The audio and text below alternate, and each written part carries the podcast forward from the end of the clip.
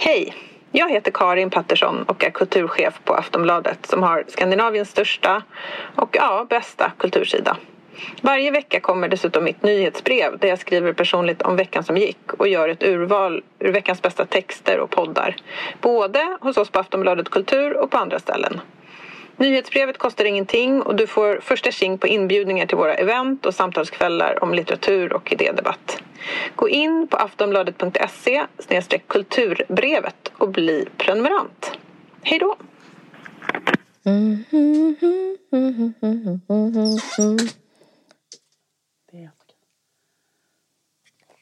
Så nu, är den framskjuten då, deadlinen? Eller? Nej, jag har lämnat in. Jag har Okej. lämnat in.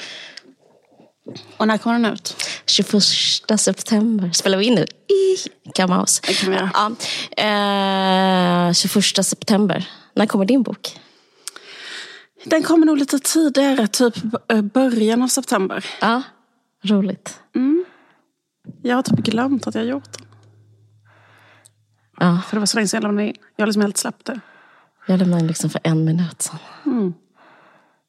Hur känns det? Det känns bra. Mm. Det känns bra. jag har liksom inte hunnit tänka på det. Nej. Ska vi börja säga att vi är i... I Malmö, Ja. absolut. Ska vi börja om? Ja, det kan vi vi göra. Mm. om. Det kan vi göra.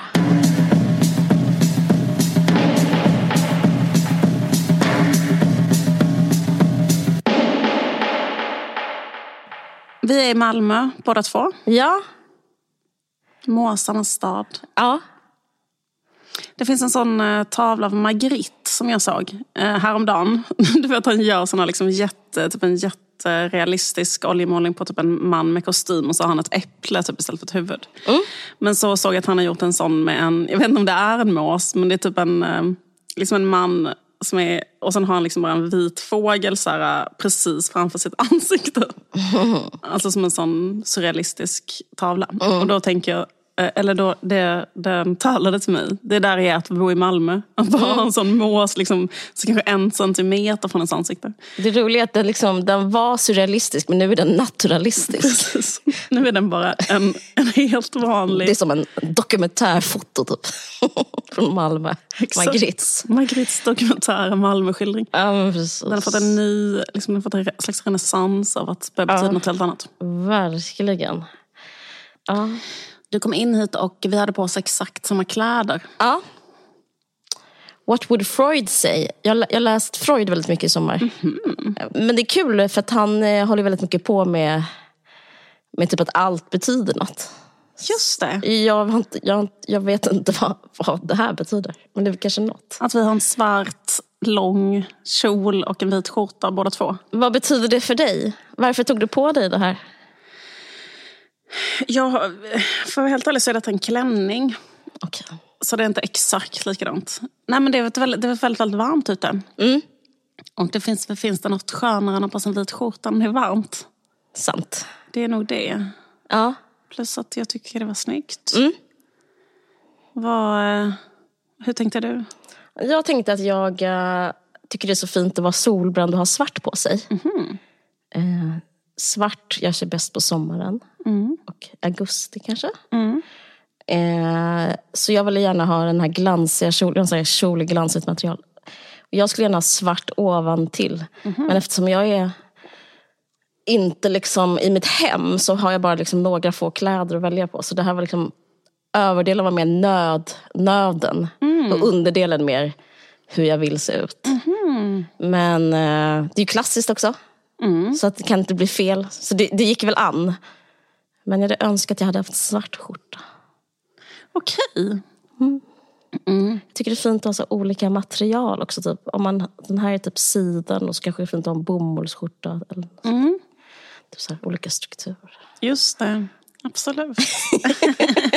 det är fint att ha svart och vitt tänkte jag på. Ja, det är det. Jag tänkte på så här, drottningens um, Nobelkläder typ 1990 någonting. Hon Ja, hade liksom en svartvit sak av Nina Ritchie. Ja, som är det snyggaste underbar. Ja. Ja, den, Så om vi hade haft en så här hemsida hade vi kunnat lägga upp den nu för inspiration. Men den är verkligen Exakt. snygg. Men vi ska göra, jag kan göra en sån um, där man kan titta först på Margrit och sen på Nina Ritchie. Nej, men grejen är att jag tittade faktiskt på, jag var uppe mitt i natten. Mm. Eh, Jag hade en sån konstig grej för jag var sjuk mm. häromveckan. Och då Mm. liksom vände jag på mitt dygn. För då kanske man låg och sov på dagen och sen var vaken på natten. Och då tittade jag på typ alla delar av ett program som heter Kungafamiljens juveler. Alltså det Mm. handlar om deras... ehm, Juveler? Exakt. Det bara berättar så här, för de har liksom alltid samma typ tiaror och eh, smycken. De har liksom eh, till exempel ett blått safirset. Eh, Ett garnityr heter ju det när man har både eh, liksom ett halsband och örhängen och kanske en tiara och kanske ett armband och en ring. Och så då heter det garnityr. Soft. De har med safirer. Men det hade hon i alla fall till den här um, Nina Ritchie-klänningen. Um, alla deras uh, juveler kommer från typ samma, samma kran. Som är så här att de ärvde det av en slump av typ en släkting till uh, Napoleon som gifte in sig i deras kungahus någon gång på 1800-talet. Och hon tog med sig alla dem. Så de har liksom typ, därifrån kommer alla de feta grejerna. De kommer från Frankrike. Ja. Mm. och det är typ Napoleons hovjuvelerare som har gjort dem. ja, nej men annars hade det blivit något sånt asakors. Eller, alltså. Ja, ja. Men vi är tillbaka efter det här sommaruppehållet. kanske hörs eftersom vi är ute. Och, vi vet inte hur man poddar längre. Vi tror att det här är en podd. Att vi ska prata om drottningens juvelsmycke. Åh, gud. Ja. Nej men det är trevligt. Men eh, ja, men nu är vi tillbaka. Vi har haft eh, sommarlov. Men, du har eh, jobbat väldigt mycket. På, Ja. Och inte rest någonstans. Och jobbat med din bok. Ja, Ja.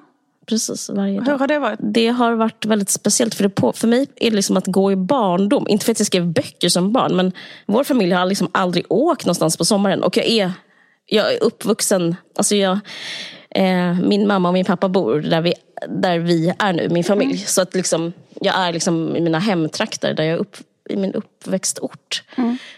Så att allting är liksom väldigt likt att vara elva. Det är en väldigt speciell känsla. Eh, att vara så här... Eh, det, ja, men liksom att jag, också att jag inte druckit alkohol för att jag, jag, kan inte drick, jag kan inte jobba då. Alltså vissa blir så inspirerade på fyllan, typ som Dylan Thomas kanske. Eller jag vet Jag inte. tror det är väldigt ovanligt. Men, Men visst, är inte det liksom en stor, inte det en hel grej att folk blir så inspirerade? jo, men jag tror att man blir inspirerad och sen skriver man någonting och sen kollar man på det nästa dag och bara så är det så fruktansvärt dåligt. Alltså ja, det är min erfarenhet. Eh, att man inte kan få bra idéer och så på fyllan. Alltså, Ja. Men jag vet att jag har gjort när jag var yngre, alltså typ så här, skrivit ner idéer på fyllan, kanske ett anteckningsblock. Ja, du har det. Ja, och sen- jag och sen nästa dag jag min förmåga att stava. Alltså jag kan liksom verkligen inte... eh, jag blir som en uh, vad det, dement på fyllan. Alltså på, ett, på en glad, en glad dement. Glad. Alltså det är inget negativt alls. Men jag har svårt att typ, jobba samtidigt. Ja. Eh, så därför har inte jag druckit någonting på hela sommaren. Förutom en gång när du och eh, din familj alltså, Just det, var hemma hos mig. Det var jättekul. Exakt, jag skulle precis säga det. Att när jag träffade dig. Exakt, just det. Det var så kul för då Ja, kunde vi dricka vin. Eh, ja, men det påminner mig om att vara ett barn. Liksom, och att inte liksom, få några intryck. Och vi har inte rest någonstans. Det var väldigt kul att komma hit till Malmö central. Och jag läste en jätteintressant, jag vet inte om det var så jätteintressant, men för mig var det det. Men alltså, om, eh, jag läste, råkade bara läsa den här tidskriften Paris Review of Books. Och då var Toni Morrison intervjuad där. Och då berättade hon att hon gjorde så att först skrev hon på papper, det här var då säkert på 70-talet, eller 80-talet, det var hemskt. Och eh, Eh, när hon skrivit på papper en gång, då började hon type it out, alltså på en skrivmaskin. Och hon hade två små barn. Eller, eh, och hon, därför skapade hon en rytm som var att innan de vaknade varje morgon så gick hon upp och skrev om vad hon skrivit dagen innan. Ehm, och eh, om hon inte hade kommit... Eh, alltså, ah, först, antingen var hon det stadiet hon skrev på pappret, alltså själva den här ma- massan. Liksom. Ehm, det här blocket av liksom eh, skapat, skapat material kan man säga. Och sen när det blocket var klart så började hon med det här eh, the revision process som var att gå igenom eh, vad hon skrivit. Och sen så skrev hon om det. Och sen så skrev hon om det. Och sen så skrev hon om det. Och kanske skrev hon om det kanske 40 gånger. Så, och sen så var det så intressant. Jag, jag tror att jag har rätt dåligt självförtroende. Jag vet inte ens om... Eh, Alltså jag, kan inte ens börja, jag kan inte börja tänka på omdömen om det är bra eller dåligt det jag gör. För att då måste jag sluta direkt. Men, men om jag tänker tänker jag direkt att det är dåligt. Mm. Därför är det så skönt att bara få en slags spegling. Att det finns, att det finns att göra så.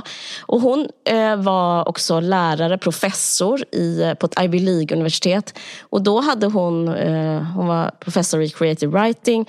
Och då hade hon en kurs i revision. Som är då, alltså det är en hel teknik tydligen. Att man liksom man, man liksom skriver om vad man har skrivit och skriver om vad man skrivit tills man kommer till texten. Mm. Och, och sen så, och så jag, det är det jag har gjort på sommaren. Och, och jag har gjort också en väldigt så här, likt henne, för jag har också två små barn. Och eh, som vaknar, i bästa fall vaknar om åtta. Då går jag upp, tio, alltså då går jag upp fem, så skriver jag dit. Mellan fem och åtta. Och sen så dricker jag citronte varje dag det är jättegott. Tips. Eh, vatten och citronbär. Och sen så... Eh, mina barn vaknar, då äter vi frukost. Och sen åker vi till stranden och då fortsätter på stranden och jobba. Tar ett morgondopp. Och sen så... Men hur jobbar du på stranden? Jag har min mobil. Okej. Okay. Jag har nästan skrivit hela, bo, hela den här processen är liksom i mina anteckningar. För att jag har en pdf jag laddat ner i min Books iBooks app, alltså den som kommer med iPhonen. Mm. Och sen så mm. kopierar jag texten och sen så under det skriver jag om den i anteckningar. Och så, så gör jag det på stranden. Åker hem till lunch. Sen kan inte jag skriva på eftermiddagen. Nej. Och sen kan jag liksom inte skriva nästan någonting mer. Uh, det är exakt det här tror jag man vill höra människor podda om. Vänta, får jag bara gå och hämta lite mer kaffe? Ja visst, vad gott det var. Vill du ha mer? Eh, men du kan bara fylla på ja. om du inte bränner det. Mm. Det känns som vi är klara.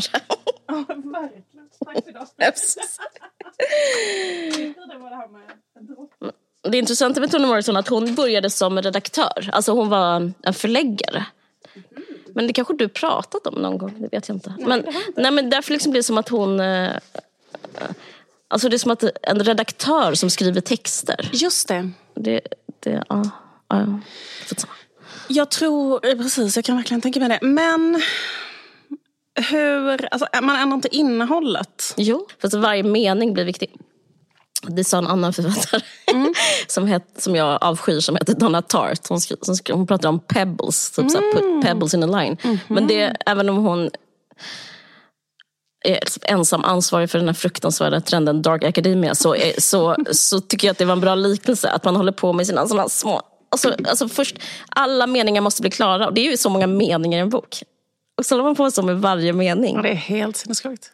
Ja, jag vet. Det är så underbart. Det är som att hålla på att tvätta små... Ja, men alltså, för det låter ganska... För jag tycker liksom det jobbiga, eller det mest ångestfyllda tycker jag är eh, liksom det här eh, första så här, komma på-arbetet. Ja. För det där är det mycket mer on the line. Så här, är där kanske man ska vara full. Och släppa hämningarna. Ja, alltså inte jag, men folk som kan vara det. Liksom. Mm. Så man inte stoppar sig Fast där. det är så jävla svårt att komma på en bra idé. Mm. Det är det som är svårt av allt. på något sätt. Eller jag menar, det är ju där... Mm. Men vad skulle du säga? Det, det som... Nej, men exakt. Men typ att, det är så här, att bara komma på idén. Mm. Vad ska jag göra? Mm. Eh, där, där, tycker jag att man har mest eh, tvivel liksom, är detta idén jag ska göra? Eller, liksom, eller, eller så här, mm. jag vet inte, skitsamma. Men på något sätt så, så kan jag tycka att det är ganska skönt Eh, liksom när, när, ju mm. färre mm. beslut eh, man måste fatta, mm. ju mer liksom, avslappnande är själva arbetet. Mm. Eh, typ när många beslut redan är fattade, mm. när, när någonting är nästan klart. Då kan det vara ganska så här, vilsamt arbete.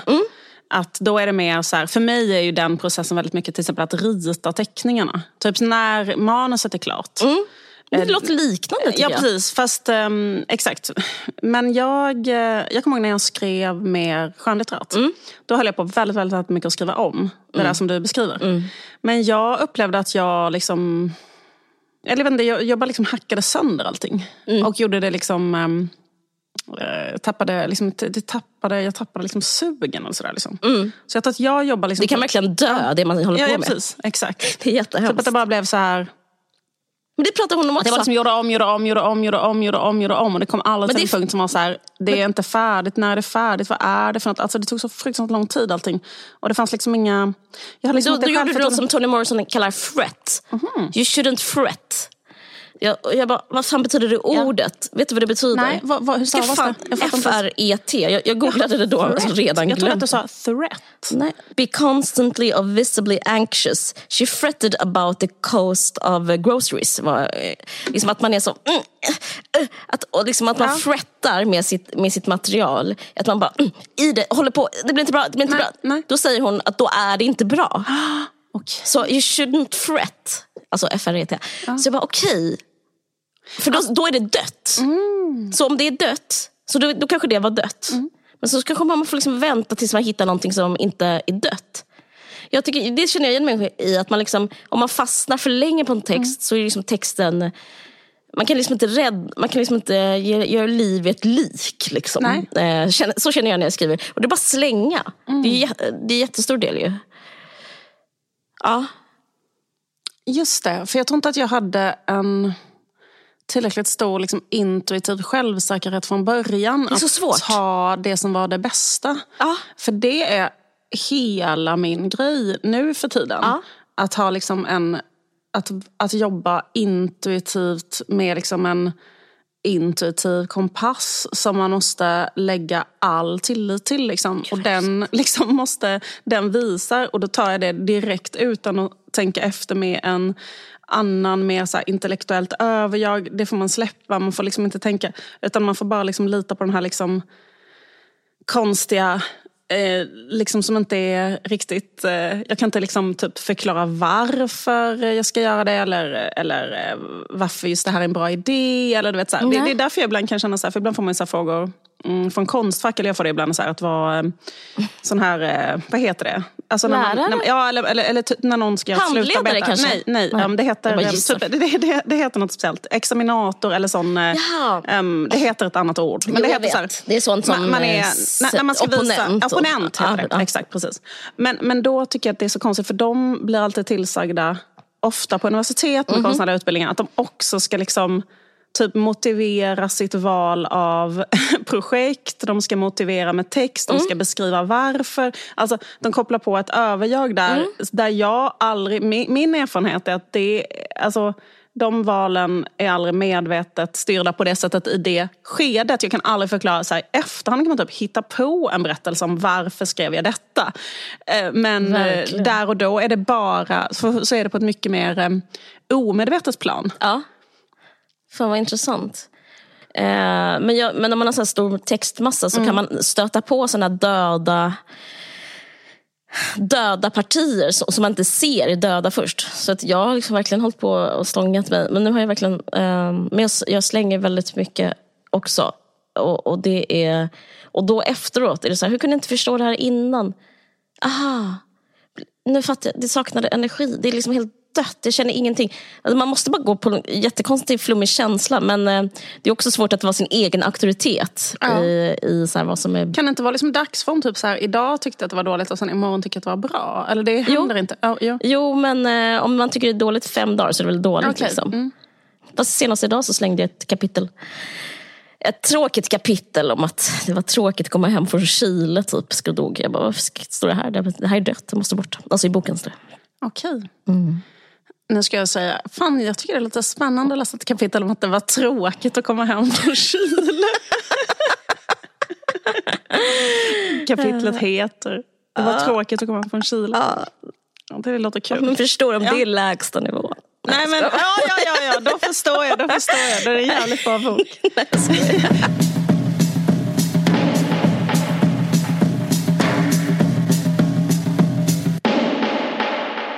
jag, eh, jag, jag, jag är så ringrostig att podda. Men nu så bara så berättar jag en sak jag har tänkt på. igång det bara. Ja, precis.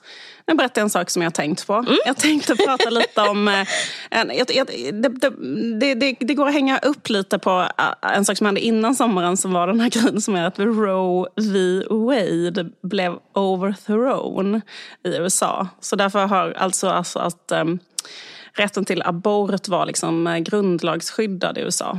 Men sen så bestämdes det att liksom varje delstat kan själv bestämma istället. Mm. Vilket gör att eh, en delstat kan bestämma då att inte Ja, att liksom inte, här kan man inte göra abort. Liksom. Just det. Eh, Och tvärtom, någon kan ju bestämma något annat också. Men det folk tror, eller det som kommer hända är väl då att väldigt stora grupper kvinnor i USA kommer förlora möjligheten att kunna göra abort. Mm. Eh, De har väl infört det i vissa delstater redan? säkert. Eh, Jag läste ett reportage om, om stängda kliniker. Att de börjar bli, att de så här, hur de är brottslingar det, liksom, i en bara given sekund. Så, så gjorde de illegal verksamhet, typ så här, en gullig barnmorska. Typ, en, eh, Criminal. Ja, precis. Det är kul. Ja men precis, det, det har liksom kommit sådana typ berättelser tror jag nu. Redan med så här fall och, av så här liksom våldtagna 11-åringar och bla bla bla som Ja. inte får göra abort. tror Mm. Ehm, men i alla fall, det här fick mig att eh, ta tillfället i akt och prata om en, eh, en spaning som jag har tänkt på. Eller liksom, som jag tänkt på mer och mer men som jag ver- verkligen bara så här, eh, framstår som så här klart och tydlig för mig. För att liksom, alltid när man läser om historia, alltid när man läser om kvinnohistoria. Att jag läser många sådana böcker som handlar om så här, liksom, varför har det varit ett patriarkat alltid? Varför inte nu? Liksom så här, för det är ju så typ att alla, liksom, alla kända samhällen i hela historien eh, i alla fall sen jordbruksrevolutionen har liksom varit patriarkat och på det sättet att män har liksom haft all politisk makt, all ekonomisk makt, all rörelsefrihet, tillgång till utbildning, allting sådär. Och så liksom känns det som att det finns ett sån ibland attempt att göra någon slags um, historierevisionism när jag skämtar bara. Nej men typ lite så här check historieskrivning som är så att plocka upp att det visst har Just. funnits kvinnor. Liksom, det finns ju lite, lite den här trenden som vi har pratat om, de här liksom barnböckerna som handlar om rebellkvinnor och sådär som har liksom varit utanför sin Eh, liksom som har typ visat vägen. Nej. Precis, exakt. Ja. Godnattsaga för rebelltjejer. Mm. Men då kanske man tar upp så här Kleopatra eller eh, Elisabeth den första eller något sånt. Eh, men, för det finns liksom sådana kanske då väldigt enstaka exempel på att kvinnor har kunnat ha sådana roller. Men det, är- men det är då liksom jätte... Det är väldigt, väldigt mycket undantag. Eh, eh, till exempel Elisabeth den första. Jag tänkte, för jag läste också om det när hon var då... Hon, var ju drottning i England och regerade i 45 år på 1500-talet, andra halvan av 1500-talet. Är hon som hade såna här kragar som var liksom så här Säkert. ehm, frasiga och gick upp. De var väldigt Ja. otroliga. Det heter så den elisabetanska eran Ja, ja. när hon var. För att hon var så himla, himla länge. Hon lyckades ju typ, eh, hon var liksom barn till Henrik den åttonde. Alltså han som mördade alla sina fruar. Och hon hade typ blivit förskjuten men hon lyckades på något konstigt maktspel att till slut så var hon typ den enda arvingen av någon anledning. Liksom. Och hon gifte sig aldrig. Typ helt medvetet. Så liksom för att kunna vara regent. För annars hade hon väl fått liksom ge sin eh, då, krona till sin son eller sin kille. Eller sådär. mm. Men hon, hon kallades för så här, the virgin queen. Hon odlade en sån grej att hon var oskuld och helt ren. Och sen var hon en sån konstig mega liksom, politiker på den här tiden. Jätte, jätte, jättekonstigt. Och styrde hela, liksom, ja, liksom hela det jävla imperiet. Och, j- Jättesjukt. Men liksom, så hon är till exempel ett exempel på någon som var i en sån position som var jätte, jätte ovanligt på den här tiden. Men, liksom när, när, hon, men, men liksom att när kvinnor, någon enstaka har kommit till en sån position så har Eh, det har liksom inte färgat av sig på resten av samhället. Alltså så här, jag läste om under hennes regeringstid så var alla parlamentsledamöter var män, alla borgmästare var män, alla officerare i flottan och armén var män, alla biskopar var män, alla ärkebiskopar, alla lärare och studenter vid universitetet var män, nästan alla författare var män, läkare var män, arkitekter, alla diktare, alla filosofer, alla konstnärer, alla musiker, alla forskare var män under hela den här epoken. Mm. Ehm, så att hon gjorde inget för sitt kön. Skämt bara. Nej men. Nej. boo. Ja. Ehm, nej men hon var en queen boss. men det verkar inte ha lett till att någon har trott att okej, men då kanske kvinnor kan vara i parlamentet eller något sånt där. Nej, Lite, det har inte lett till Nej. någon annan liksom. Och vad så, ledde det till då? Eller liksom, Det ledde väl bara till att Var det hon bara var typ en- queen. men var det liksom bara som att det var ett, ett härligt undantag och sen så var allt som vanligt? Liksom? Jag antar det. Typ Ja. att, att, att de... det känns också på den tiden att man såg så jävla mycket med blod, alltså så blodsmystik. Liksom, antagligen då att det att hon kom från den kungafamiljen gjorde henne till en annan sort som inte ja. gick att reflektera på någon annan vanlig människa. Ja. Lite som Katarina den stora kanske? Ja, hon var ju också ja. ett sånt exempel. Ja. Eh, och det finns ju fler, typ ja. Kleopatra och liksom lite sådana. Eh, men um, det betyder inte att liksom andra kvinnor i Egypten hade det. Fick rösta. Nej, precis exakt. Um, hur som helst. Um, men liksom varför har det varit så överallt, alltid?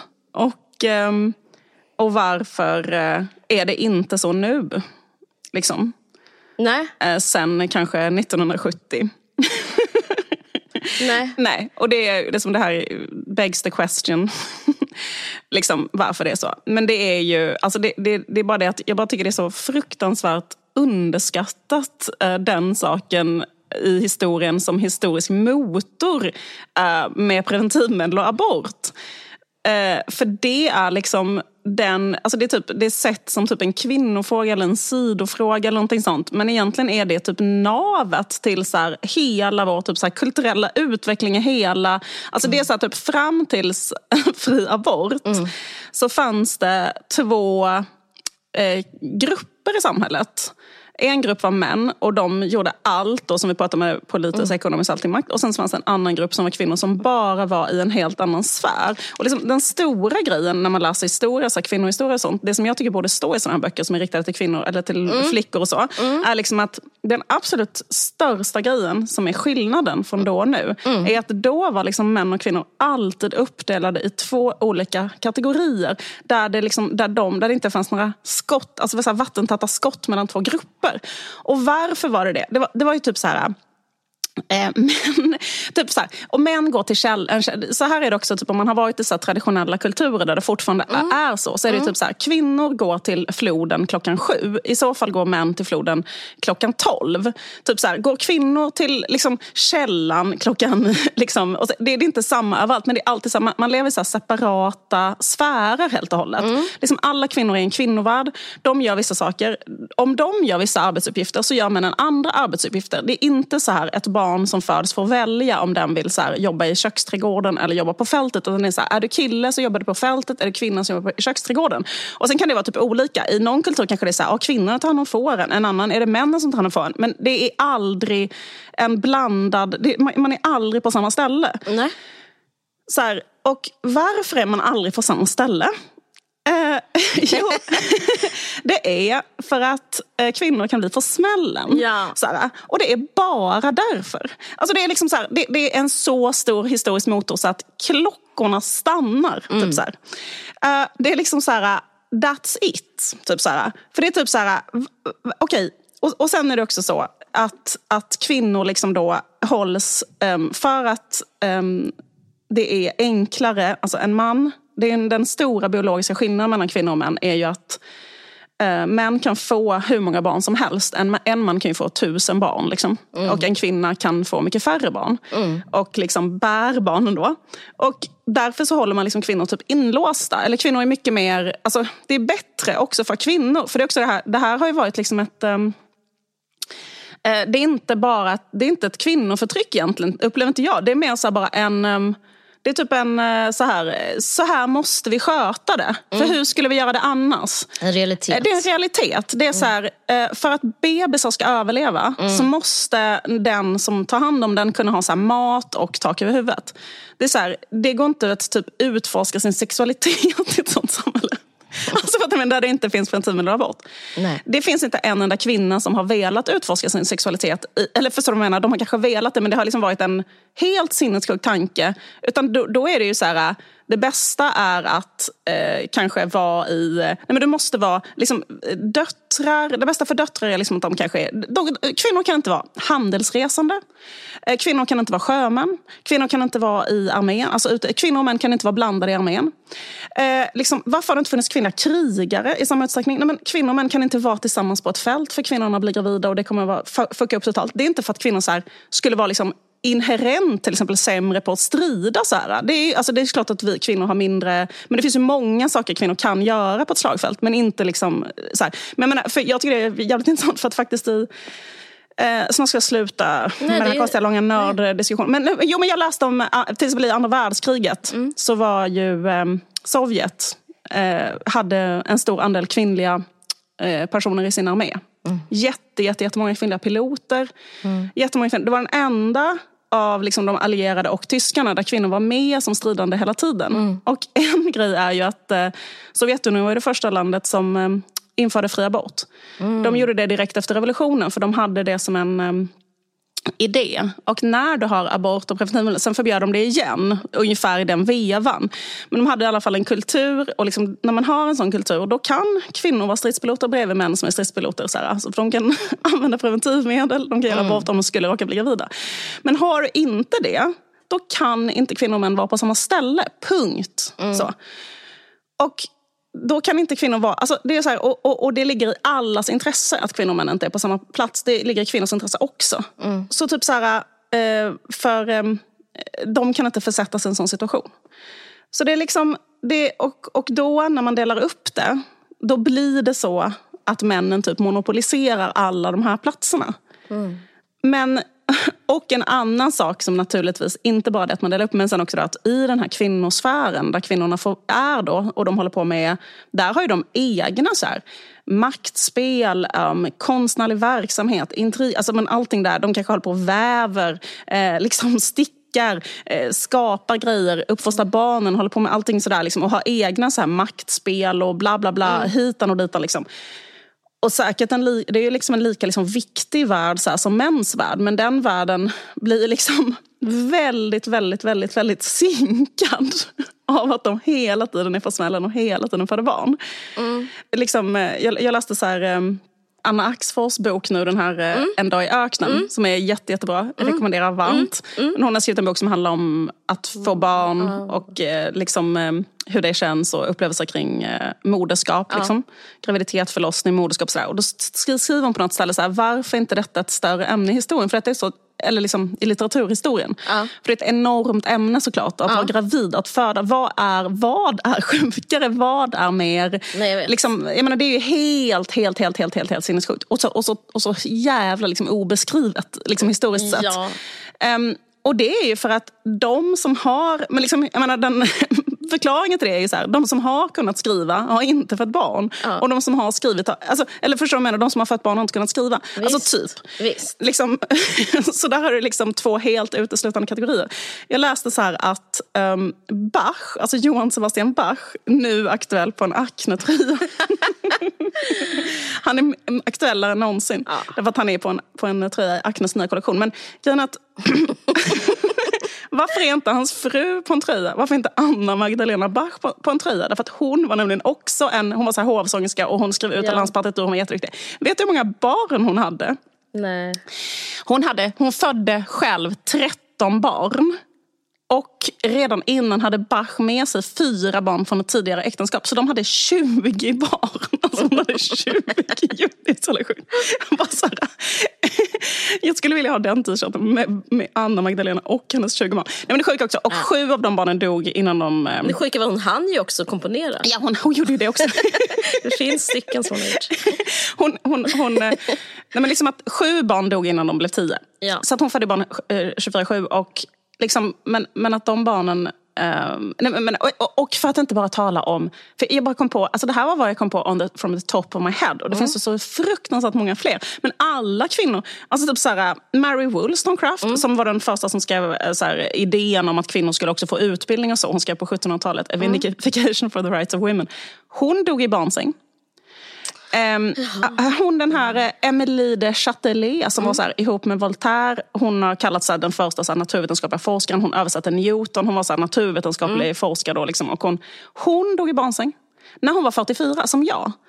Hon hade massa så här älskare och hennes sista älskare var typ en poet. Och då märkte hon att hon blev på smällen och var hon så här, jag är för gammal för att få barn för jag är 44. Jag tycker det här är så jävla sjukt för att man känner igen sig själv. Alltså typ så bara, okay, men fan, så, på något sjukt sätt blir hon ändå på smällen och då vet hon att hon ska dö. Så hon skriver alla sina sista, försöker desperat så här, skriva ut för att hon är så här, helt övertygad om att det här tar ju livet av mig. Liksom, såklart. Ja. Liksom.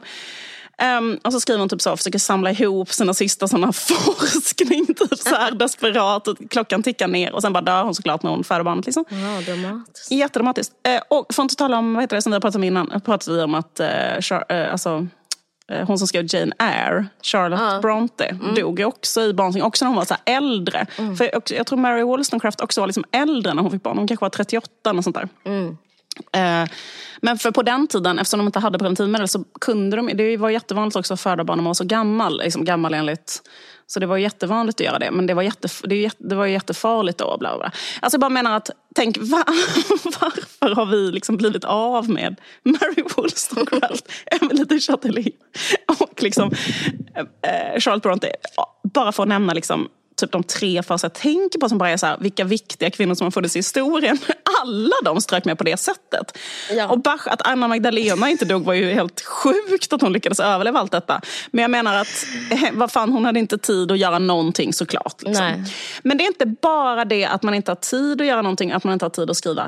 Eh, för just det, för de som har kunnat skriva, de som är med i de här rebelltjejer, det är ju ofta alltså, nunnor. Mm. För där har du haft ibland i vissa i vissa tider, i vissa epoker, under vissa omständigheter så har liksom nunnor fått typ skriva och eh, forska. Men det är också jävligt ovanligt för ofta har de också blivit tillsagda att de inte får det. Men det finns typ så här, i Tyskland ja. runt, i liksom medeltid så ja. finns det flera stycken. Det finns de här eh, Hildegard av Bingen och sen finns det en som heter Rosvita, Rosvita av Ganderheim som är typ den första dramatikern. Hon skrev så här, dramatik. Ja. En som heter Herrad av Landsberg som skrev um, uh, liksom um, hon var liksom naturvetenskapsforskare. Ja, men det är något offer. För det är ja. så att det de väljer bort är den levda erfarenheten. Alltså till exempel det intressanta med en förlossning och sådana mm. saker. Men fan vad, ja. Hela Birgitta skrev ju om, faktiskt, hon, ja, skrev, hon skrev om förlossning och barnafödande. För hon fick ju skitmånga barn. Men de, hon började skriva sen när hon blev, för det kunde, kunde ju vissa göra också, att de liksom, hon blev ju så här andligt, liksom, fick ju sina visioner och så. Men det kommer jag ihåg att vi läste när jag läste, litteraturvetenskap. Att hon, när hon, för hon skrev så en text som handlade om när Jesus föddes. Och så fick vi typ jämföra den texten med män som skrev om den händelsen. Och att hon skrev den mycket mer så här liksom... Alltså där har vi faktiskt ett exempel på en kvinna som har skrivit om förlossning och barnafödande. Mm. För hon mm. skrev liksom i en religiös kontext om hur det var när Jesus föddes. Och hon mm. skriver det som en mamma som kanske själv har fött sex barn. Och liksom hon skriver det på ett mer, mycket mer sån, vad ska man säga, realistiskt ja. sätt än de här jättekonstiga männen som bara skrivit typ att det kom ett ljus och det uppenbarade sig en bebis. Och typ sådär. Ja. Lite blod också. Eh, men i alla fall. Nej, men jag bara menar att det är inte bara det att de här kvinnorna var tvungna, eller, liksom att, eller inte tvungna, utan så här, de har levt i en helt separat värld. Där har varit världen av reproduktion. Visst. Och de andra har varit i en annan värld. Där reproduktionen inte har eh, varit, tagit någon plats på det mm. sättet som att den har varit totala centrumet liksom, för, i kvinnors värld.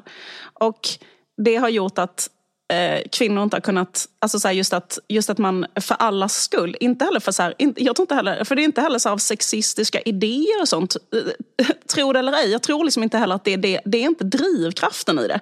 Utan drivkraften är att man måste ha ett samhälle, sen kommer de sexistiska idéerna liksom efteråt. Jo, men jag typ tänker på en sak när du pratar, alltså jag ja. fattar vad du menar att det inte är en sexistisk mm. idé, men det som gör det, alltså i och med att du har rätt, det är, det är ju rätt det du säger, det är en realitet, eller nästan materialistisk, mm. liksom, vad ska man säga? Det är en materialistisk fakt faktor. Ja, som jag tycker är konstigt att man inte pratar mer om. För att man pratar väldigt mycket om det, idé, ja. Eh, alltså idéerna hela tiden. Men, bara så här, men det finns liksom en sånt grundläggande, grundläggande, grundläggande så materiellt förhållande ja. som är ganska förbisett. Och, eh, Förlåt. Nej men det jag skulle säga var att du, eh, motsats, motsatsen till kanske det du skulle säga. Nej men att då är det ju ännu mer Eh, vad ska man säga, efterfrågat med moral eller filosofi. Liksom någonting, för det är ju så, okej, okay, det här är realiteten. Men i och med att, eh, vad, är liksom, vad finns då tankarna om ett samhälle? Då får man liksom ha juridiken som, för nu är det ju så himla konstigt att så här, män, män äger ju ja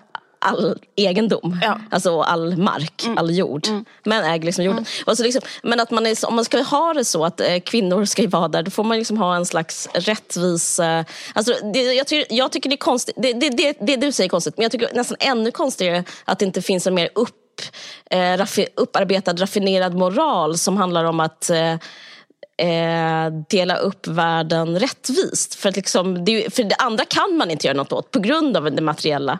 Alltså det andra är ju som det är. Men, men de där kvinnorna, varför kan inte de få äga sin, sitt hem liksom, under tiden? Ja, det, precis. lite sånt skulle man, tycker jag ändå är en sexistisk agenda. Absolut, men jag har också haft mycket sådana, till exempel så här, religion. Varför Ja. har religion varit så jävla liksom, anti-sex till exempel hela tiden? Och liksom att eh, kvinnor, Mm. Jag tror liksom jättemycket att det är liksom, det börjar med... det är praktiska ja, skäl Ja, det är också. praktiska skäl. Jo, och, att det, absolut. och, och typ äktenskap, det är så här, okej det är för att det vara så här. Men, jag menar, men, men den, min stora poäng, det, Mm. den stora grejen jag ville komma fram till var ju så här att Eh, för oss som kvinnor så Mm. är abort och preven- preventivmedel, that is it. Det är det som är grejen. Det är det, Ja. som, är, det, är det som gör oss till... Eh, det, är det, som, det är det som gör att kvinnor och män blir samma sak. Mm. Istället för att vi är två olika kategorier. Det är det som gör oss till exakt visst. samma... Så, här, så därför, alltså jag bara menar att... Så här, Det menar att jag också, därför underskatta- krävs den Ja, moralen, eller Ja, den ja, liksom juridiken Ja, eller, precis, som exakt. är Och- rättvis. Pre- Precis, Ja. exakt. Eller menar, därför, måste, därför är Ja. rätten till abort och preventivmedel den absolut by no, alltså på, liksom på alla plan, absolut viktigaste frågan. Inte bara kvinnofrågan. Det är ju en, alltså det är en global fråga, för det handlar om att hålla hel, alltså halva IQ-reserven i, um, i, en, i en annan sfär, där de inte deltar. Eller att de Mm. är med i samhällsutvecklingen och skriver och forskar och så. Eh, eh, liksom det, det handlar om det. Att antingen håller man alla dem i liksom en annan... Så, här, det, det, så, så, så, att, så att jag, bara, jag bara menar att det är så här... För, för jag tycker liksom att... Jag vet inte, alltså, just när man liksom så här, typ, på något sätt så här, tittar på historien och, och inser den, den aspektens historiska liksom, dignitet, eller hur den Mm. typ så här, konstru har konstruerat Mm. eh, så jävla mycket. Den, Bara den materiella ehm, saken. Och sen att man uppfann preventivmedlet. Mm. Hur det ändrade så här, typ totalt, eh, total game changer på Mm. massa olika sätt. Och helt så här, Massa saker har hänt på grund av det som man inte liksom kan... Men jag menar, den, den, saken, den, den saken som händer är att män och kvinnor blir samma och kan vara på samma plats. Det är liksom, that's it. Alltså det är så här, det och det är jävligt så här, ja, det är bara det, alltså det, här, det här vet ju alla redan. Så på ett sätt är det så totala självklarheter. Så här, det är en jätteviktig sak att vi har aborträtt. Ja, ja. Eh, Men ibland så tycker jag att man bara så här, man tänker efter hur viktigt det är så kan man liksom aldrig tänka, man kan nästan, man kan, man kan typ inte överskatta det liksom. Nej. Mm, För det är allt för oss. alltså, för oss av det andra könet så är det allt. Verkligen. Det är vår liksom, eh, annars är vi, annars är vi helt fucked. Som eh, vår lilla kategori, biologiska kategori. ja, eller så här, det som är eh, det som återstår om man tar bort den är Ja. bara ett, eh, vad ska man säga, en slags darwinistisk ekonomisk situation där typ rika människor kanske skulle kunna skriva och ägna sig åt produktivt arbete Ja. och lämna bort barnen. Men liksom det, man, man kommer det blir ett stort tapp Visst på folk det. som inte Ja. kan liksom eh, outsourca. Men jag tror också att det är, så här, att det är helt omöjligt Det är att... som en klassrum. eh, Ja, precis. Men jag tror också typ att det är helt... Jag tror också att konservativa i USA typ vet det. Att det är omöjligt, att det är no way back på något konstigt sätt. Alltså för att så som samhället är organiserat idag, det är liksom... eh, Det går liksom inte att gå tillbaka till det Men här. jag tror liksom, att det är eh, vilja. Jag tror inte det är liksom ens religion. Jag tror att folk, folk jag tror att eh, den konservativa, de konservativa männen vill att det ska vara som... Alltså det är liksom en, de vill hogga det roliga och göra att kvinnorna stänger in dem i en hage i stort sett. Ja, ja, Det är liksom inte bara... Det är liksom en plan. ja. Alltså det är en, eh, vad heter han, Justice Alito. Det är det han vill. Ja, precis. Men jag bara liksom- menar att jag undrar om det liksom alltså är liksom praktiskt möjligt. För att du menar? Ja, men det, det, Typ så här, det har ju Ja, ja, börjat. ja, ja, men det har börjat med, jag menar att så här, eh, Jag vet inte. Alltså typ att det finns så det finns så mycket, alltså bara det du, alltså nu det är klart att, det, eller liksom så, men att det bara är liksom en, på ett sätt, även för dem, en skräck, um, alltså en, en väldigt orealistisk eh, eh, skräckvision. Liksom, för det kommer ju affekta också deras, alltså jag menar nära och kära och sådär. Att det liksom, jag menar någonstans, Jag så tror liksom, det är nej, ett okej. ideal faktiskt. Ja, okej. Och det är det så intressant för att man har liksom inga argument för det som du säger egentligen. Det är ju mycket bättre att ha abort. Ja. Så att det är därför man håller på så himla mycket med Gud och sånt där som är typ som att uh, så här spökhistoria. Alltså det är Ja. liksom väldigt så mycket den typ av argument att så här, eh, Spökhistoria, det är jättekul. Ja. Men jag hörde ett jävligt intressant, eh, en, en, en intressant podd som pratade om varför liksom, l- abort hade blivit förbjudet i Ja. ehm, USA. Eller vad som var liksom den, så här, för först var det inte förbjudet. Nej.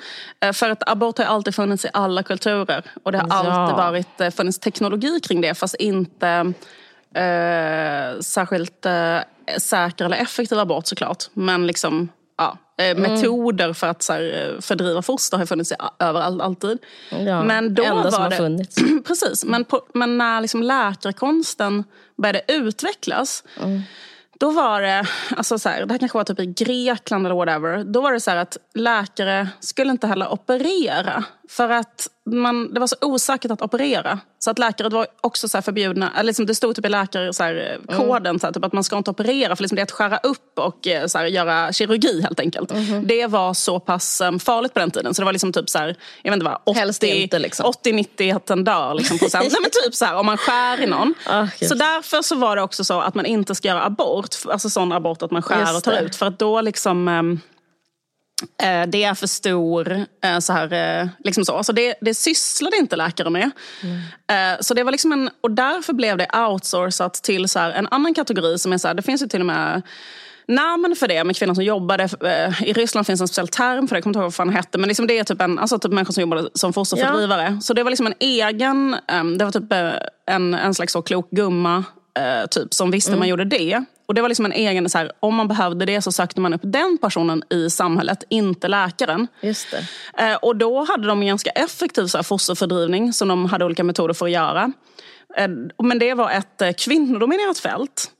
Då på 1800-talet så ville man professionalisera medicin och göra det mer... Um, de, de männen ville ha patent. Ta bort häxstämpeln. Ja, de ville ta bort häxorna. De skulle inte få, alltså ingen annan skulle få utöva medicin, bara de. Så då tog de bort alla så här, det var också mycket då kanske folk som tillhörde fel etnicitet. Alltså typ så här en... eh, Eh, liksom en, en eh, medicinkunnig eh, person i ett community eh, som inte hade en läkarutbildning men som hade, körde sin alternativa medicin eller kvinnor som var barnmorskor och, och höll på med de här fosterfördrivningsmetoderna och sånt. Alla de skulle förbjudas och tas bort för att män ville ha mer, ehm, eh, vad heter det, att lä- läkekonsten skulle bara kunna utövas av dem. Eh, och, var, och då i den vevan, det var de höll på att lobba jättemycket för att just abort skulle förbjudas. Och det handlade inte direkt om religion enligt den här teorin utan om, eh, liksom, vad heter det, att pissa in ett revir Status. kring vilka som får göra, l- liksom utöva medicin. Ehm, och just att utesluta kvinnor också från att utöva medicin. För kvinnor har ju utövat medicin jättemycket men de fick inte vara läkare under en lång period. Men då var ju de, utövade de medicin på andra sätt såklart. Ehm, men då ville man ta bort dem från liksom, um, yrkeskåren helt enkelt. Och det här var liksom ett av de, en av de sakerna. Liksom. Så det var också ganska intressant faktiskt. Mega intressant. Och sen kanske man säger att det handlar om Gud, men det är liksom lite så en Ja, efterkonstruktion. ja, verkligen.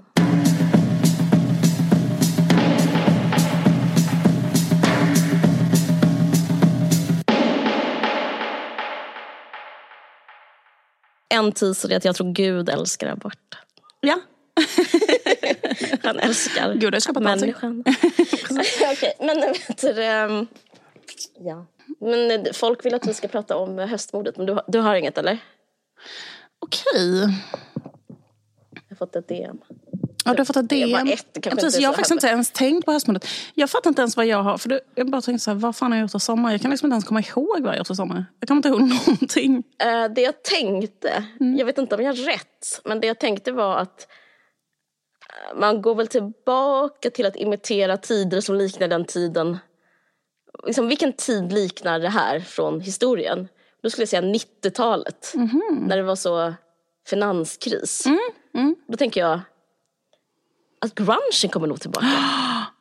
Eh, för att jag tycker att det fulaste som finns är att vara fin. Just det. Visst är det fult? du har haft den här spaningen. Du har ju för fan en spaning om höstmodet som du sa till mig innan. Jaha. Att du sa att vara inne att vara nerklädd. Alltså att preppy är ute. Ja just det, oh, Ja. den, den kan jag Ja. faktiskt säga till dig Säg den nu. Tänk Ja. att jag har Folk, vad tror folk om oss att vi umgås och spanar ihop? Vi brukar faktiskt inte göra det, för vi pratar om andra saker. men, men, men just det, jag, jag har en jättestark spaning Ja. som är Rest in peace, allt som heter preppy och konservatism. Alltså det fulaste som finns Mm. är pärlor. Känner du inte det? Kan du inte känna vad jag säger i kroppen? Kanske inte, du behöver inte, jag ska inte tvinga dig. Jag tycker det är fint. Jag vet, jag vet, jag glömde det. Jag glömde det. Eh, Men, men, men, men, men, den här grejen att... För så länge liksom det har varit en lek. Alltså, jag ska verkligen koncentrera mig och försöka säga vad jag menar. Det mest otrendiga som finns är pengar, skulle jag säga. Det är det jag menar. Ah, Pengar är det nu, Innan visste vi visste det och vi levde i det. Men nu är det liksom, pengar är det smutsigaste vi har. ja. Det är det pissigaste, Ja. äckligaste, liksom, det mest liksom eh, dekadenta Ja. Ja. vi har. Ja. Mm, Så är det pengar. Och innan så har man kunnat liksom leka med pengar. ja. För att det också varit kul. Mm. Men nu är det som att vi ser liksom med hela liksom kraften. Till exempel, om man ska bara sammanfatta, Ryssland och Ukraina. Mm. Det slutar ju inte för, att, för oljan Nej. och gasen. Mm. Det är pengar. Och hela miljökatastrofen. Jag, jag kan inte, jag kan inte sammanfatta världsläget men det är pengar som Mm. driver den här smutsen. Och, det, och vi har kommit till ett världsläge där, liksom, där man också känner av liksom inflationen och allt sånt där. Att det bara är en, liksom, att det bara är papperslappar typ? Nej, inte att det är bara papperslappar. Nej, men det är också en konstig grej tycker jag. Att det bara är helt som, att det, att det är lite sån stämning. Att det liksom, det var, vi hade inte några pengar. Alltså, så. Ja, ja, ja, så är det ju. Ja, så är det ju. Ja. Och, men också att man känner av liksom, eh, att man, det, le- det, man det, lever... det konstiga med alltihopa. Ja, men Man, man, alltså det, det är bara några kvarter bort, den här bostadsbubblan. Så tycker jag det känns. Oh, shit. Ja. Och då är det liksom som att eh, det är inte så kul då att eh, ge, leka den maskeraden. Att så här, för att om jag skulle leka den maskeraden, alltså jag, alltså, om jag ska liksom leka, att, om jag ska klä mig till exempel som man, folk klär sig på en yacht. Innan så känns det kanske som något härligt, kanske från 60-talet eller 80-talet eller liksom Wall Street eller liksom något sånt där. Men nu känns det bara som en liksom ehm, en torsk som knullar en hora på. Ja. Jag bara känner så här att, det, det, det, att jag tror på en antirörelse och det tror jag kommer avspegla sig i modet. Eh, på alla sätt. Jag tror också jag kommer vara ute med typ märken och innerstan tror jag ute också. Eh, jag tror allting som eh, jag tror att, att, att, det, det, att jag tror det kommer bli modernt att säga nej till allt som driver det här runt. Jag tycker det är så kul med märken för att jag ser så eller, Alltså- som är, nej men jag, började, jag tycker alltid att man ser märken på så här, äh, en sexåring som har... Gulligt. Eller typ en, kanske en... Eh, jag förstår vad du menar. Ja, jag det är förstår. skitsamma, en uteliggare som har sån Bergensiaga. Alltså typ att det är alltid så med såna märken. Alltså jag menar där, där jag bor är det alltid så. Man bara ser så här, människor som är liksom totalt liksom, eh, heter det, Ja. utanför det ekonomiska systemet har Ja. alltid sådana saker. Men alltså de är ju, det är ju inte de kanske riktiga och så, men liksom att de, att liksom, det är alltid någon som samlar burkar med en sån Balenciaga-sak. Alltså där det står det. Ehm, och eh, eh, jag vet inte, att det, det är något konstigt Mm. med märken för de eh, vandrar eh, ut så, så snabbt i eh, samhällets utkant på ett konstigt sätt. Ja, och så vet man inte vad det, vad det är. Det är något, det är något eh, nästan vackert med det. På något sätt. det är liksom, man ser de där konstiga bokstavskombinationerna på helt andra platser. Så här, liksom på typ en eh, soptipp bredvid en mås liksom, där någon ligger och har däckat. Eller någon, någon som är Ja. fyra år gammal. Eller någon som är, liksom, Ja, är helt, eh, helt väck. Och samtidigt, jag vet inte. Ja, Nej, men jag fattar vad du menar. Det, det är typ, eh, om det är typ poetiskt. ja det är lite poetiskt, exakt. Men, nej, men, men för jag tror typ, om en snabb sammanfattning tror jag tänker så här, men okej, först var grungen inne på 90-talet och sen så blev R&B inne och det öppnade upp för liksom att, va, ha, liksom, att kunna duscha igen och sminka sig typ, och ha kanske långa naglar och stringtrosor. Och sen öppnade det upp för typ vara finklädd. Mm. Och så öppnade det typ upp för att vara så här, um, ha så här tenniskläder och typ mm. så ridkläder mm. och sådana saker. Men nu är vi tillbaka till liksom där grungen började som ett slags hat. Eh, dels liksom att det var så här, eh, recession och sen så dels att det var så här, eh, reaktion på 80-talets liksom, yuppis. Mm. Och jag tror att det kommer hända igen och jag tror liksom att det eh, alla med pengar kommer att eh, anses Typ, jag tror den här, så här pengar luktar illa, eat the rich. Jag tror det kommer få en slags revival. Mm. Men det här, är bara, det här är bara en spaning. Jag, ja, jag, jag, jag vet inte om jag har rätt. För, men, och det tror jag kommer märkas i kläderna. Därför tror jag det är inne att typ ha kanske paltor på sig. Ja. Gud vad intressant. För jag tycker liksom att förutom den här stora grejen att folk mm. har varit preppy eller liksom mm. haft märken och sånt. så har det liksom funnits en... Hur länge har man haft det? 20 år? Nej men 30 år. Ja precis men förutom ja. om man säger de senaste åren. Ja. Så liksom en annan jättestor trend har ju varit det här att folk har på sig träningskläder tycker jag. För det, så, det finns inget annat, det finns inget som kvinnor, det finns inget som kvinnor har på sig mer än ett par sådana stronger tights. Just det. det är det enda kvinnor har på sig. Just det. Så liksom, om man tittar sig omkring så har alla kvinnor det. Och eh, kanske så en, liksom att, och, och, kanske också lite så här mjukisbyxor, munkis. Alltså det har varit lite sån grej kanske. Mjukisshorts har ju varit stort i sommar. Jag, jag, ehm. inte, jag har inte sett någon men jag fattar, det kanske det är ja, så. Precis. Det kanske är gråa jeans, kanske, mör, kanske liksom en palett av typ så lila, duvblått och grått. Snyggt. Jag vet inte. Mm. Men, men, eh, nej, men det där om träning, där vet, jag vet inte vad jag, vad jag, tror om det. Nej, för det känns liksom som att alltså, verkligen så att kvinnor som inte, alltså, ja. man vet att den här kvinnan har inte liksom sprungit de senaste fem åren ja. men har ändå på sig sådana tights. Ja, det är jättetrendigt. Eh, det, det, är jättetrendigt. Man ska säga. Det, är liksom, det är ett väldigt... Eh, eh, liksom, det är ett, så här, ett typiskt plagg för vår tid. Det är det. Men, men det är ett ehm, segment och, och, och, som jag liksom inte kan relatera till. Nej. Alltså varken på det ena eller andra sättet. Jag menar mer vad man har på fest. Just det. Men till vardags att det nästan har bytt ut till jeans typ. Ja. Men alltså, jag menar jag är rätt så positiv till det. För jag, tycker, ja. eller jag fattar varför man har det. För det är fett sexigt typ. Med?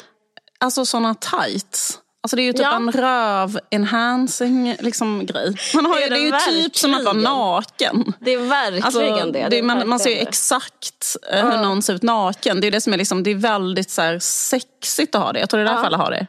Ja det tror jag också. Um, och ofta är det ju så här, typ, de är typ skurna på ett sätt som ska typ så här, lyfta upp på olika sätt. Så, här, så att man blir ännu snyggare när man har dem. Man är snyggare än om man inte skulle ha haft, alltså man skulle vara naken typ. Just det. För just också det. att man är helt täckt av tyg. Ja. Um, nog om det. Jag, hade en, jag funderar på en sak som jag, jag hoppas kommer tillbaka. Mm. Om jag ska säga en trendspaning eller en, sak, en, bara en, en spaning. vårt mm. fruktansvärda jobb att hitta spaningar. Nej, men en sak som jag tänkte men på var... Jag fattar inte, tights eh, kommer det vara? Jag frågade dig om ja, du jag, trodde... jag, jag okay. vet inte. Jag Nej, vet inte. Ja.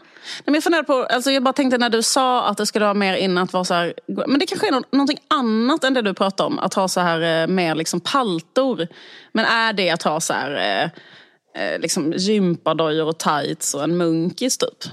Och en Nej, keps? Jag skulle Nej, inte för det är något det. annat. Ja. Jag tänker mig jeans. Mm.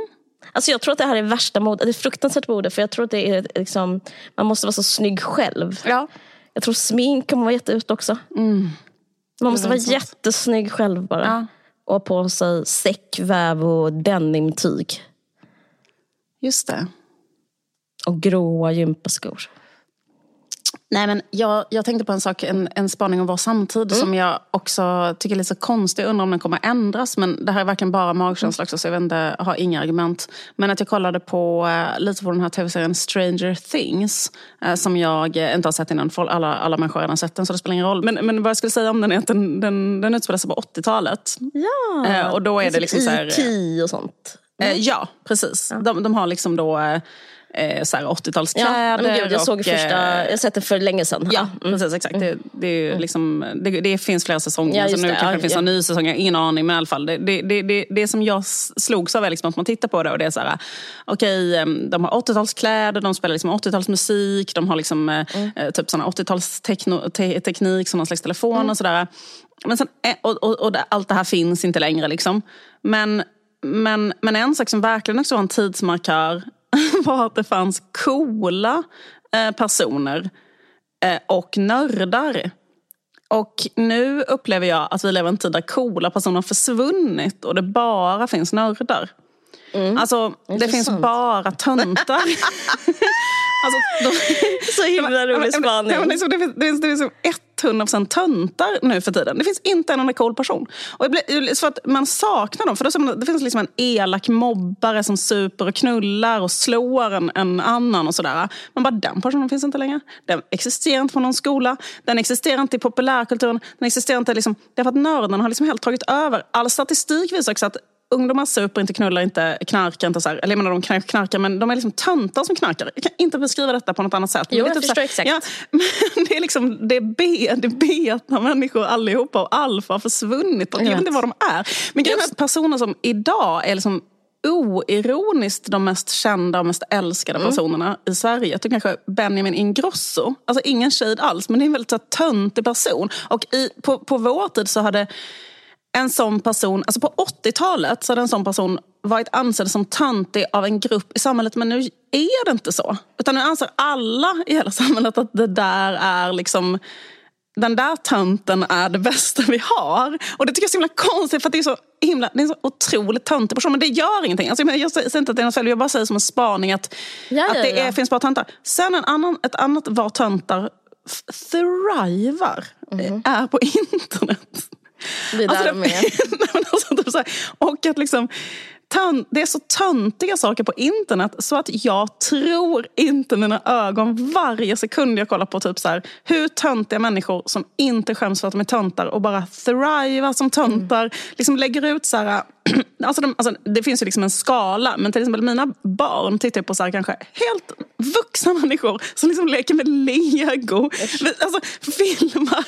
Alltså så, så töntiga människor så att jag, jag, tycker det är ett under att de har passerat skolgången utan att bli mördade av mobbare. Men det är för att det finns typ inga mobbare. Det finns inga coola. Därför har de här personerna kunnat leva och bli vuxna och sen bli liksom världsberömda youtubers som typ så leker med lego, leker med gosedjur. Le, le, leker med liksom, eller kanske bara så här eller är jättetöntiga. Det är väldigt, väldigt konstigt för de har liksom, de, de, ingen har stoppat dem. Nej. Eh, och, eh, och, det, och det är det vi lever i nu. Mm. Att, det, att det bara finns töntar. Så det undrar jag också bara, vart är coola människor någonstans? Mm. De har slutat finnas, det är jättekonstigt. Men jag läste en intressant grej om det där i Dagens Nyheter. En, eh, en skribent som heter Sonja Hedstrand som skrev om att det, det där du beskriver har hänt i konsten också. Fast hon använde inte ordet tönt, hon använde ordet eh, att konsten liksom har slutat vara utmanande.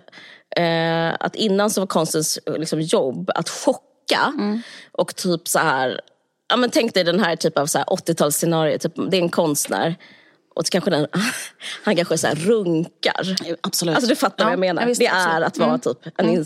en, en Jag kollade på en installation som var en tjej som så smetade in sig själv med bajs. Ja, men, alltså det var ju så en när gjorde du det? Ja men det kanske är 15 år sedan. Ja, ja precis. Mm. För, det skulle inte, för det händer inte nu. För att, då skrev hon faktiskt en rätt så intressant grej om att konsten har blivit eh, Fan, jag, kan, ska jag, jag, jag minns det här från huvudet. Men att den har slutat ha en, chock, en chockande roll. Liksom den, har, den har slutat att vara anti-etablissemang. Utan istället har den, varit, har den har fått en enda uppgift. Och det är att gå minoriteters ärende. Mm. Så som att den vill liksom... Jo, den har bytt liksom sitt öga, typ. Den har bytt sitt, så här, mm. sin eh, avsändare. Så den ska alltid vara... Alltså om man säger att man vill ändra samhället. Mm.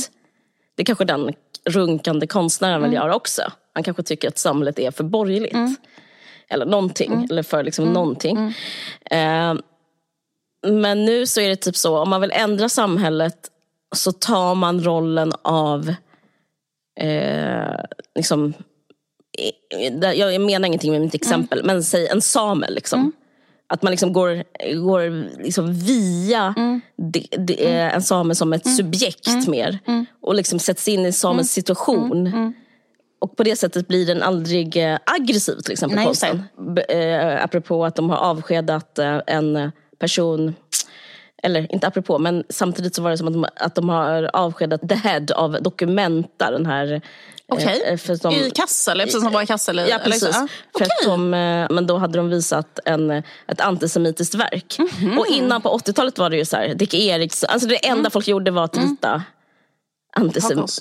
hakkors eller vad som helst för att liksom berätta Det var ju en i Sverige som gjorde det som var, fanns en debatt för inte så länge sedan, kanske åtta år sedan. Det var någon i Göteborg som gjorde ett jättestort hakkors. Ja, men jag säger inte att jag tycker Ja. det är bra Nej, nej, med hakkors. Jag Ja. bara säger att innan så gjorde konstnärer ofta hakkors. Absolut. På ett sätt som... En basic bitch gjorde verkligen en ett hakkors. basic Ja. bitch gjorde ett Ja, hakkors. för att publiken skulle vara...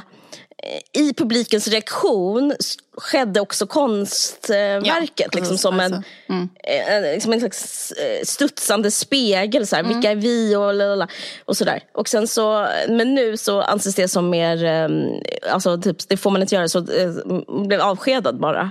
Mm. Och att det är liksom också ett exempel, jag vet inte om hon nämnde det här, men jag tänkte på det. Ja, men det här är liksom ett exempel på att det kan bara vara eh, lam konst. Mm. Jag hörde, det var en tjej som berättade för mig som hade varit där i Kassel eh, på Documenta. Och just att, att det är tydligen för att allting där i år... Att eh, man hade typ låtit eh, typ aktivistiska kollektiv från tredje världen vara curators. Så de var curators och gjorde alla sakerna, alla utställningarna. Liksom. Så det är precis det du pratar om, liksom, att man låter, alltså, eh, man gör det till en arena för eh, kanske liksom, aktivister i Indonesien som kämpar mot en regim eller sånt där. Men då berättade de till exempel att ett konstverk var så här, typ att en hade skrivit upp en lång, lång, lång, lång, lång lista på massa namn på så här, flyktingar som hade kanske dött i någon gränskonflikt någonstans och så. Så var det typ så här eh, 5000 namn eller något liknande. Så var det verket liksom sådär. Alltså att jag bara menar att det är liksom en Ja men det det är är ju Ja, vad precis. publiken redan tycker. Ja, precis. Det tycker jag är intressant. Att det är, så här, det är eh, liksom en gemensam känsla av så här, det här tycker, vi tyckte det var fel när vi kom in genom dörrarna till konsthallen och vi tycker det är fel. De tycker det är fel i, konst, i konstverket och vi tycker det är fel när vi går ut. Alltså att det finns liksom väldigt lite Eh, alltså själva konsten har liksom ingen uppgift att vara så här skaka om. Nej. Utan det liksom följer med. mer bara så upplysa om. Men eller jag- hålla med, eller kra, Ja, precis. krama om typ. Ja, precis. Eller liksom typ att så här... Jag säger inte att det är fel, Nej, obs. Nej men precis. Men, men också typ att i sin, i sin värsta tolkning av detta så blir det bara så här, typ en outbildad journalist. Alltså förstår du? Att det typ, någon gör vad en journalist brukade göra. Fast det är typ en journalist utan journalistutbildning. Alltså typ så här, liksom att det är någon som bara har gått konstfack som typ skriver om en sån konflikt. Och det kanske hade varit bättre om typ en person som hade en, en bättre utbildning hade gjort ett grävande reportage om det. Än att titta på det så här. Eh, Jag, jag menar inte, för det, för det är klart att man i konsten, i, i konst kan belysa någonting eh, från ett annat håll än vad en journalist kan. Eh, och liksom öppna upp så en eh, kanal till kommunikation och förståelse av någonting eller bla bla bla. Eh, på ett annat sätt än vad liksom en vanlig journalistisk sex kan göra. Och det är där konsten kan bidra med något annat. Liksom. Men i detta fallet, till exempel med de här namnen, så känns det som att så här, eller jag vet inte, att det, att det bara är då liksom en, ja, men nästan en så mindre fullständig förklaring än typ så här, kanske en dokumentärfilm om den här konflikten eller en, en, en, ett eh, undersökande reportage om den här konflikten hade, hade kunnat vara. För det här är liksom bara en eh, emotionell, nästan ett eh, väldigt också så här ett väldigt stängt rum, typ där man bara går in och blir så här blåslagen av känslor, vad hemskt det här är. Men det finns liksom ingen så här kontextualisering eller förklaring eller liksom något, alltså så här, eller, liksom, eller, eller vad som säger, analys eller någonting. Utan det är bara det där, kolla vad hemskt. Eh, typ. Och det är inte så bra. Nej. Det jag kom att tänka på när jag läste om det var i att jag liksom gjorde en parallell till litteraturvärlden. Jag tänkte på vår, vår allra första podd pratade vi väl om Stig Larsson. Eller var med vår andra podd kanske. Mm, jag tror det var allra första. Ja, Jag vet att andra avsnittet handlade om filmen The Hobbit. ja okej. Det är lustigt att jag såg om den nu och jag hade helt glömt den. Eh, men, ehm, eh, så det var liksom som att se en helt ny film. Ja, vad kul. Vi kanske kan återkomma till den. Nej, men jag tycker väl liksom att Stig Larsson, hur han är som författare, att han liksom är, känns så jag, menar inte, jag hoppas inte han blir ledsen om han hör det, men jag tycker inte han är så trendig nu för tiden. Nej. Men han var också så här, som en sån, det trendiga, alltså Mm. hetaste, hetaste, hetaste. Man kunde vara, för att han använde sig av metoden att eh, inte vara läsaren. Mm. Eh, utan han använde sig av metoden att chocka läsaren. Mm. Och Oscar Wilde skriver om det här och Dorian Gray. Det har liksom varit så här konstnärens roll eller författarens Mm. roll. Men nu är det liksom som att så här, jag vet inte, det är som att man inte vill hålla upp det som är Liksom, eh, alltså till exempel att skriva i jag-form om pedofil. Det går liksom Mm, Nej. inte. Nej. Utan istället måste man göra någonting som känns skönt. Mm. Eh, alltså jag, jag har, jag, det är så flummigt allting, men jag upplever en vibe shift någonstans Mm. med det här. Eh, som jag, och jag kan typ sakna det, för att var annars ska man göra det? Mm. Vilken plats ska man, apropå att Freud och sådär. Var ska tabuna finnas Mm. om de inte ska finnas där? Precis. Men jag tror det är väldigt, väldigt svårt. För det är liksom så, här, Så eh, svårt. Ett, ett, ehm, också någonting som, eh, det där med att chocka i, i, via konst. Liksom. Mm. Alltså jag menar, det är en jävligt stor diskussion. Men det är också så här typ, att det är så...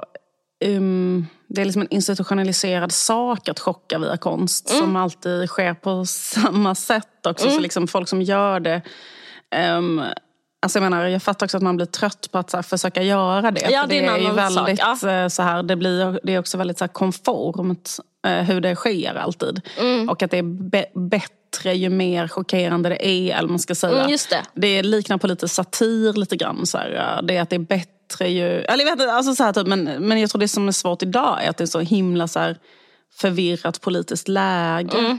Och svårt att göra en, en, en bra analys eller peka ut en Mm. riktning. eller sådär. Att det är svårt att veta vad det är man ska säga. Liksom. Jag, menar, jag tror det är det som är att man tar till någonting som känns säkert. Som Mm. så här, vi vet i alla fall att det är fel att de här människorna har dött till exempel. Eller något sånt där. Men liksom vet inte någonting annat. Nej, det är här, väldigt är vi komplext ska, ja, exakt, och svårt att kanske Ja, bara är hålla, liksom, spegla. Men det är det, den, alltså Ruben Östlund har ju, apropå satir, han fick ju den kritiken i, jag har inte, jag har inte sett han, hans senaste Nej. film, men han fick den kritiken i de snobbiga tidningarna, vad heter nu, vad heter den franska, Le Monde och eh, Guardian. Att, han, de, att typ han, just på grund av den här med satiren, så att för jag tror att han försöker chocka, liksom, eller visa upp en spegel av liksom, vad dekadent allting är. Men att då är de så här, men han gör det med liksom för grova penseldrag, det här är vulgärt.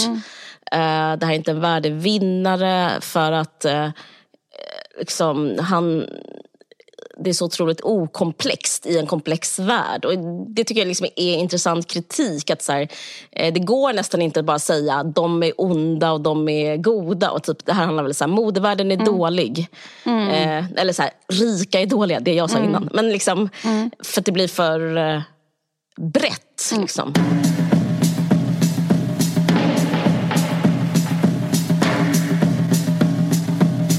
Eh, du kanske vill ha min bok? Gärna. Okej, Hur får man den? Jo, då ska du få en rabattkod av mig. Wow! det, var, det var inte dåligt. Nej, du, eh, ja, nej men jag tänkte att vi har känt varandra ett tag. Du får det. nej. Men för att vi är så nära vänner så ska du få ett signerat ex. Wow. Vet du hur du gör? Nej.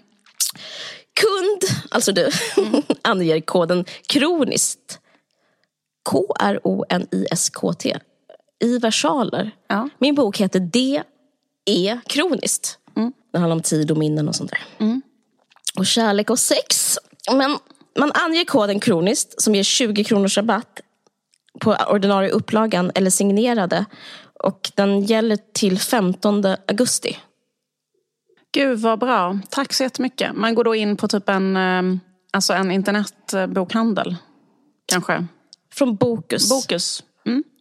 Och där skriver man kroniskt på skånska. Kroniskt. Mm. Som rabattkod. Gud vad kul. Let's do it. Next story, next story, next story har vi också som vanligt. Erbjudandet Eh, för eh, Nextory, den här ljudboks och e-bokstjänsten man kan ha på mobilen till exempel, det är då att man kan få det i 45 dagar gratis. Och det gäller både nya och gamla kunder. Så även om du har haft Nextory eh, avinstallerat det så kan du liksom installera det igen och få 45 eh, dagar gratis. Det finns ingen bindningstid, det finns ingen uppsändningstid så du kan gå in sen och avregistrera igen om du vill. Gå in på www.nextory.se varg45 och ehm, vad kan man säga om Nextory, Caroline? Eh, jag kan säga att det är så skönt med Nextory att Ja, men att man kan, eh, när suget efter en bok Mm. sätter in, så bara börja bläddra. Just det, absolut. Till exempel. Ja, till exempel faktiskt hände det mig i somras. Jag pratade ju innan eh, sommarlovet om att jag Ja. skulle läsa några böcker. Och då till exempel var en av dem jag ville läsa var Doris Lessings Det femte barnet. Den finns på Nextory. Nextory, Nextory. Och Det är liksom inte en dålig bok. det är absoluta motsatsen till en dålig bok. Mm. Och ehm, den rekommenderar jag varmt. Varför? Den är, det är liksom en enormt välskriven insugande historia som är till synes enkel, en enkel berättelse. Det handlar bara om ett par som är jättelyckliga, som får fyra barn. Alla barnen är jättesöta, allting går jättebra, de bor i ett gammalt vackert hus, allting är toppen. Sen får de ett femte barn och det är ett barn som mamman inte tycker om. Och de känner att barnet är något främmande och eh, barn, det barnet förstör hela familjen genom att vara... Eh, det är ju som en, det är som en skräckfilm, för det är lite grann det man är rädd för kanske som var gravid. Alltså det, jag tror det är väldigt så här, igenkänning om man är en mamma, kvinna. Typ att så här, eh, liksom att ska, kommer det nya barnet förstöra allting i min familj? Typ. För att det är så här, en, eh, ja, det är en slags skräckscenario att det skulle kunna bli så. Så så är ju bra skräck. Liksom att det, är så här, det, det, det är något som är väldigt... Eh, en, en skräckfantasi man kanske redan har. Typ så här, ska, allt, ska allt bli förstört av någon nu? Liksom, eller, så där, liksom, eller att det blir ett hot på något sätt, ett nytt barn mot den eh, lycka som existerar och ett hot mot de barn de redan har. Kan det nya barnet förstöra för dem genom att ta tid? Och allting sådär. Men detta är ju då uppskruvat. Men det som är bra med den typen av skräck tycker jag att det är så close to home. Att det Ja. är typ som att, nej det är inget spöke, nej det är inte ens mörkt ute. Det här är bara ett van, en vanlig dag i ett liv. Precis, så liksom, exakt. Det, det är otroligt. Så det handlar väldigt mycket om så här, moderskap och eh, liksom, vad ska man säga, förbjudna... Alltså, så, man liksom läsa den på jättemånga olika sätt. Så här, kan man läsa det som en allegori över förlossningsdepression. Att hon får en, bara en, eh, inte känner kärlek för det här barnet det. som hon gör för alla andra. Det är en tolkning. Eller är, en annan tolkning är liksom att... Eller jag vet inte. Det, det, det, man kan liksom läsa den på massa olika sätt.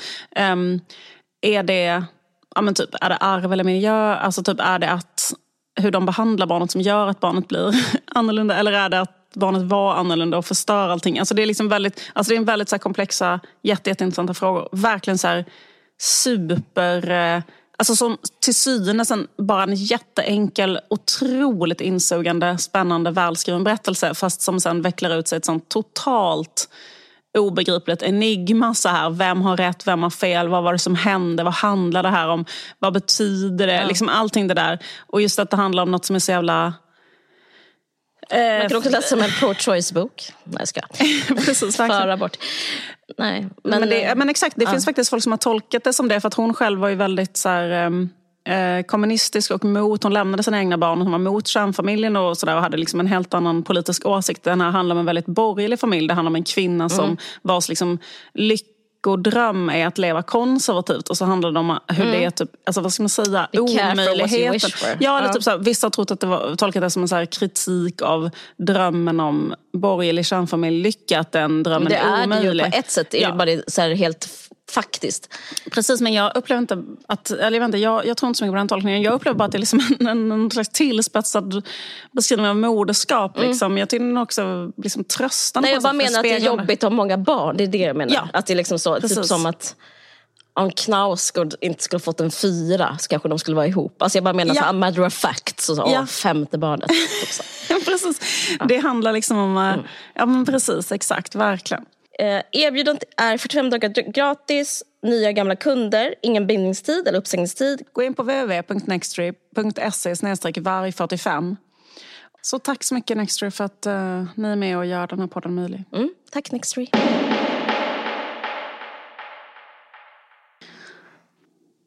Jag har kommit på en sak till som jag tror är inne. Läppglans. Tack. Jag, tog jag, jag, jag tänkte på att när, precis när du tog på det så tänkte jag så här, det är en sån grej att ha så glansigt um, läppstift, eller hur? Alltså typ ett um, som ser ut som glasyr, typ. Alltså genomskinligt glasyr. ja, jag hoppas det. Okej, okay. det var det för den här... Eh, nu, nu, nu sparkar vi igång hösten. Gänget. Mm. Kul att vara tillbaks. Kul att vara tillbaks. Kul att ni eh, lyssnar. Ja, vi, um, vi, hörs, vi hörs om två veckor. veckor. Okej, okay, ha det så bra. Hej. Hej.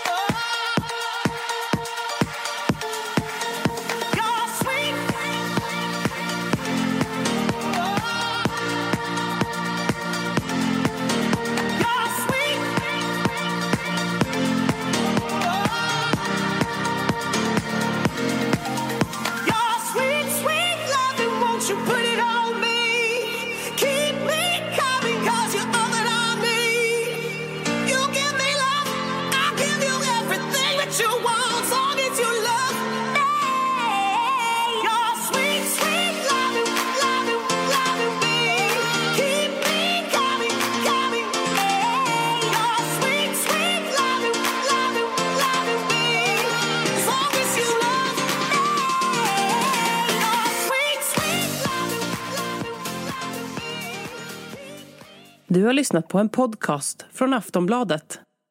Ansvarig utgivare är Lena K Samuelsson.